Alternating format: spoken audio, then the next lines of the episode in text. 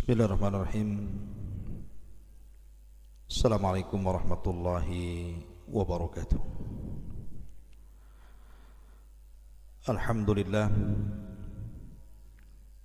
الحمد لله الذي أرسل رسوله بالهدى ودين الحق ليظهره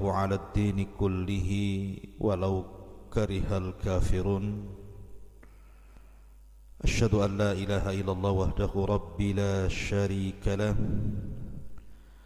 وأشهد أن محمدا عبده ورسوله الذي لا نبي بعده أما بعد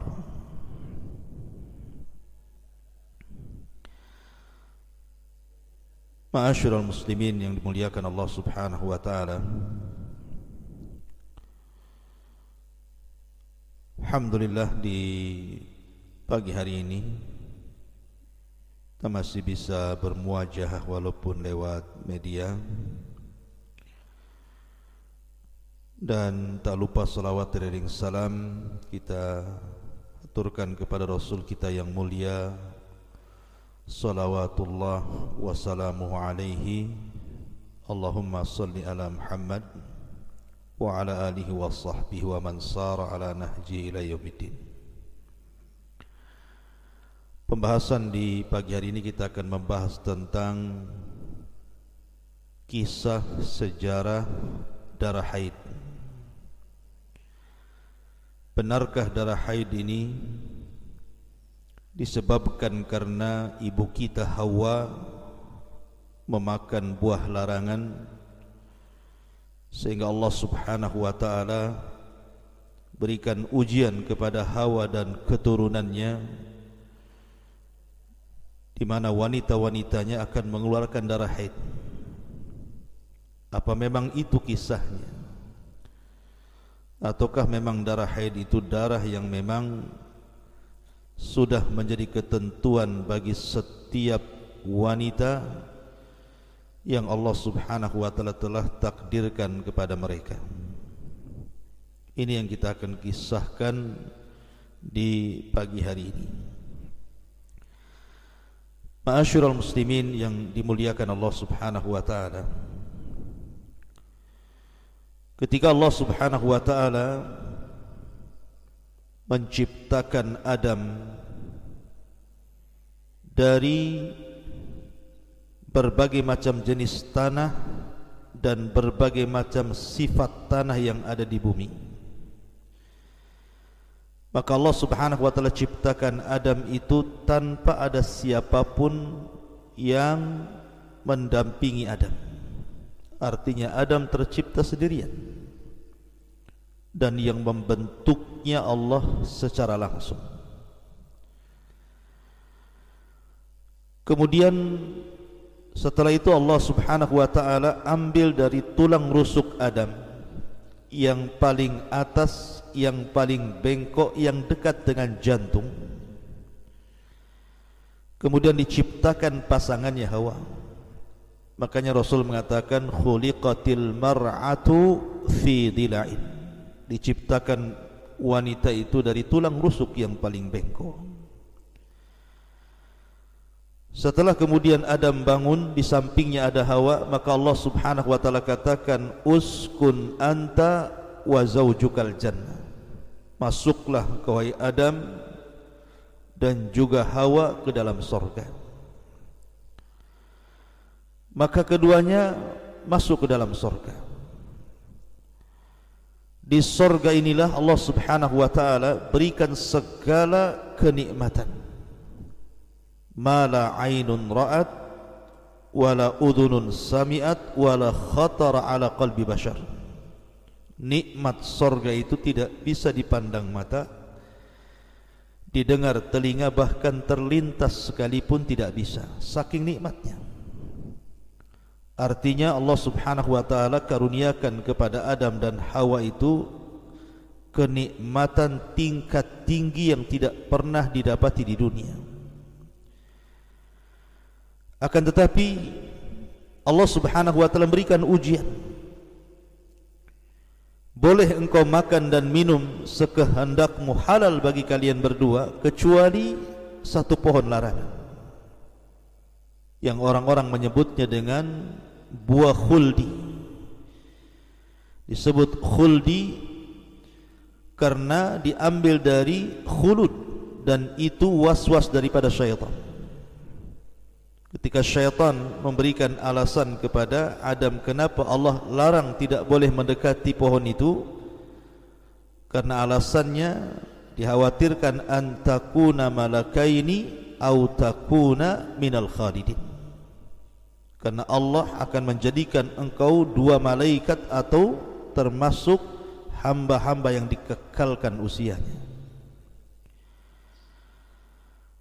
Maka Adam pun tertarik dengan was-was daripada iblis. Bagaimana tidak? Iblis ini ketika memberikan was-was dia bersumpah. Makanya Allah katakan wa qasamahuma inni lakuma laminan nasihin. Dan bersumpah di alam para malaikat apalagi untuk sebuah kedustaan itu itu mustahil karena belum ada orang yang bersumpah untuk kedustaan di alam para malaikat apalagi di sorga. Itu yang mendorong kenapa Adam yakin dengan iblis. Karena dia bersumpah masalahnya. Wallahi demi Allah. Bahwa Allah melarang kamu mendekati pohon itu supaya engkau tidak jadi malaikat atau tidak dikekalkan. Itu masalahnya. Maka Adam pun kemudian mengikuti was-was daripada iblis.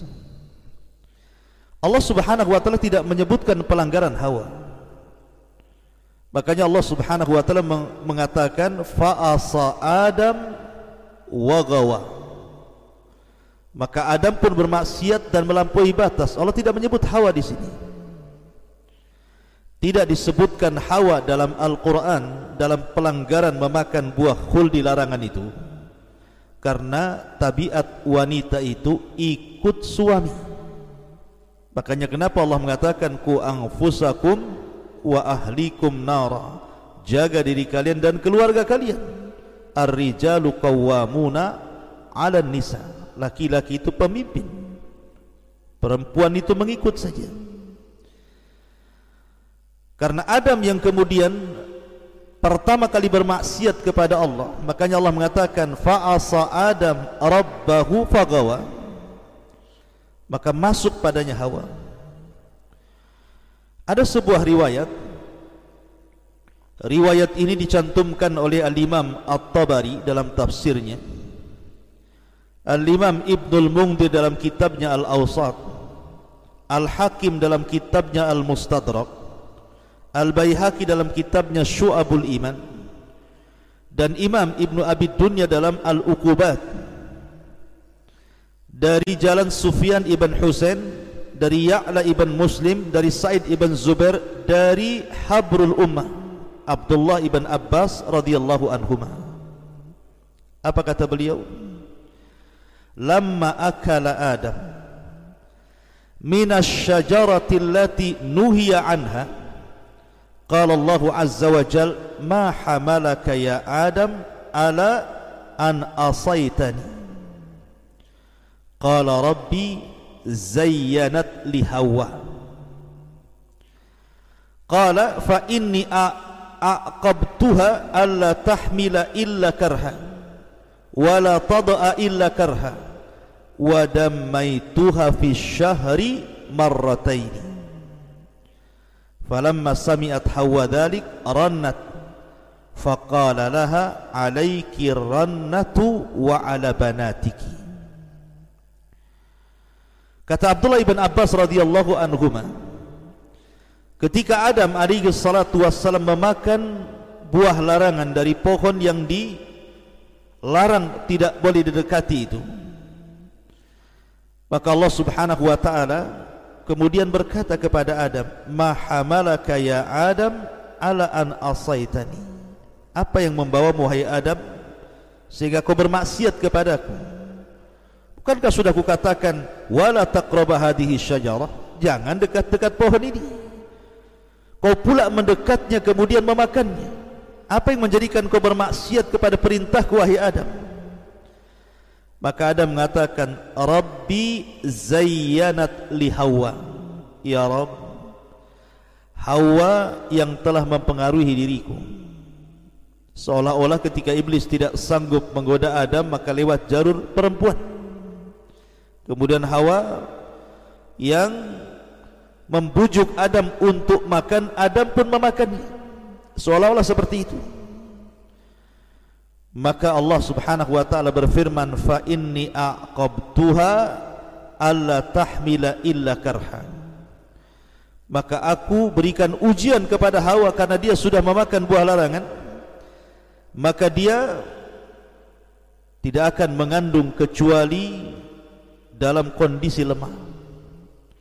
Wala tad'a illa karha dan dia tidak akan melahirkan kecuali dalam kelemahan wa dammaituha fi syahri marrataini. Dan aku akan buat dia keluar darah haid dalam satu bulan dua kali.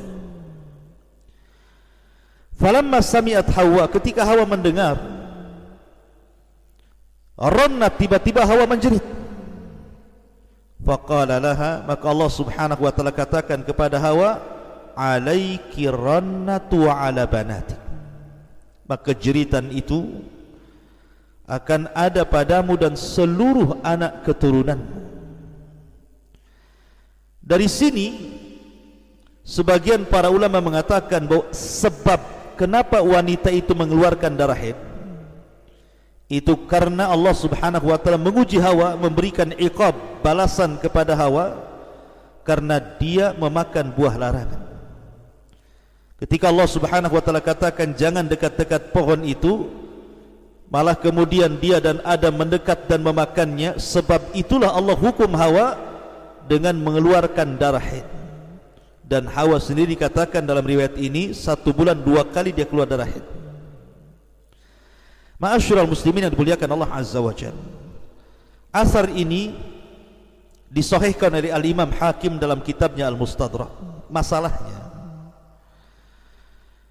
tentang penyebab darah haid seorang wanita, apakah karena ujian Hawa gara-gara memakan buah larangan? Al-Quran tidak mencantumkan alasan ini. Tidak ada satupun ayat yang mencantumkan alasan ini. Karena Quran ketika menyebutkan tentang iqab hukuman Adam kepada dan juga Hawa gara-gara memakan buah larangan itu di mana Allah Subhanahu wa taala membuka seluruh pakaiannya. Badat sawatuhuma wa tafiqa yakhsifani mi warakil jannah. Tiba-tiba ketika memakan buah larangan itu Seluruh pakaian Adam dan Hawa terlepas semuanya. Sehingga kemudian keduanya telanjang Hawa lari karena malu melihat aurat Adam Dan Adam juga lari karena melihat aurat Hawa. Sehingga mereka berusaha mengutip daun-daun pohon surga Untuk menutup aurat besar mereka Artinya tidak ada urusan dengan darah haid di sini. Begitu juga hadis Nabi SAW tidak ada. Lalu muncul perkataan Abdullah bin Abbas radhiyallahu anhu maka al-Imam Al-Hafidh Ibn Hajar rahimahullahu taala dan juga ulama yang lainnya boleh jadi Abdullah ibn Abbas radhiyallahu anhu mahabdul ummah turjumanul Quran ini mengambil riwayat Israiliyat dan riwayat Israiliyat ini disabdakan oleh Nabi sallallahu alaihi wasallam hadithu am bani Israil wal haraj. Ceritakan tentang bani Israel tidak mengapa.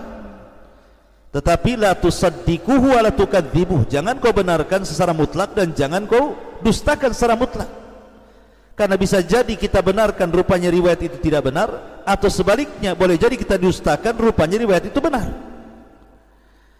Artinya Abdullah bin Abbas ketika menceritakan ini tentu seizin Nabi karena membolehkan meriwayatkan dari Bani Israel. Tetapi kalau kita melihat Al-Quran dan Sunnah ketika bicara tentang masalah darah haid maka ada hadis yang sahih yang dikeluarkan Imam Muslim di mana Nabi SAW bersabda inna hadha amrun katabahullahu ala banati Adam bahwa darah haid itu adalah perkara yang sudah ditakdirkan Allah kepada setiap putri-putri turunan Adam. Hadis ini dikeluarkan Imam Bukhari dan Muslim. Artinya keterangan hadis ini justru kontradiktif dengan perkataan Ibnu Abbas. Karena Ibnu Abbas mengambil kutipan dari Israiliyat karena ma'ruf Abdullah bin Abbas itu beliau banyak riwayat-riwayat yang diambil dari Israiliyat. Beda dengan Abdullah bin Mas'ud yang tidak pernah mengambil riwayat Israiliyat. Lah dari sini kita katakan bahwa bertentangan dengan riwayat ini. Karena hadis Nabi sallallahu alaihi wasallam mengatakan bahwa wanita haid itu adalah ketentuan kauni. Memang Allah sudah takdirkan setiap wanita mengeluarkan darah haid. Kemudian diteliti tentang masalah faedah darah haid ini dan rupanya darah haid ini sangat bermanfaat bagi wanita hamil karena apabila wanita itu hamil maka tidak akan keluar darah haid dan darah haid itu diganti oleh Allah menjadi nutrisi bagi setiap janin yang ada di perut ibunya jadi darah haid itu dirubah oleh Allah menjadi makanan. Untuk nutrisi janin yang ada di perut ibu.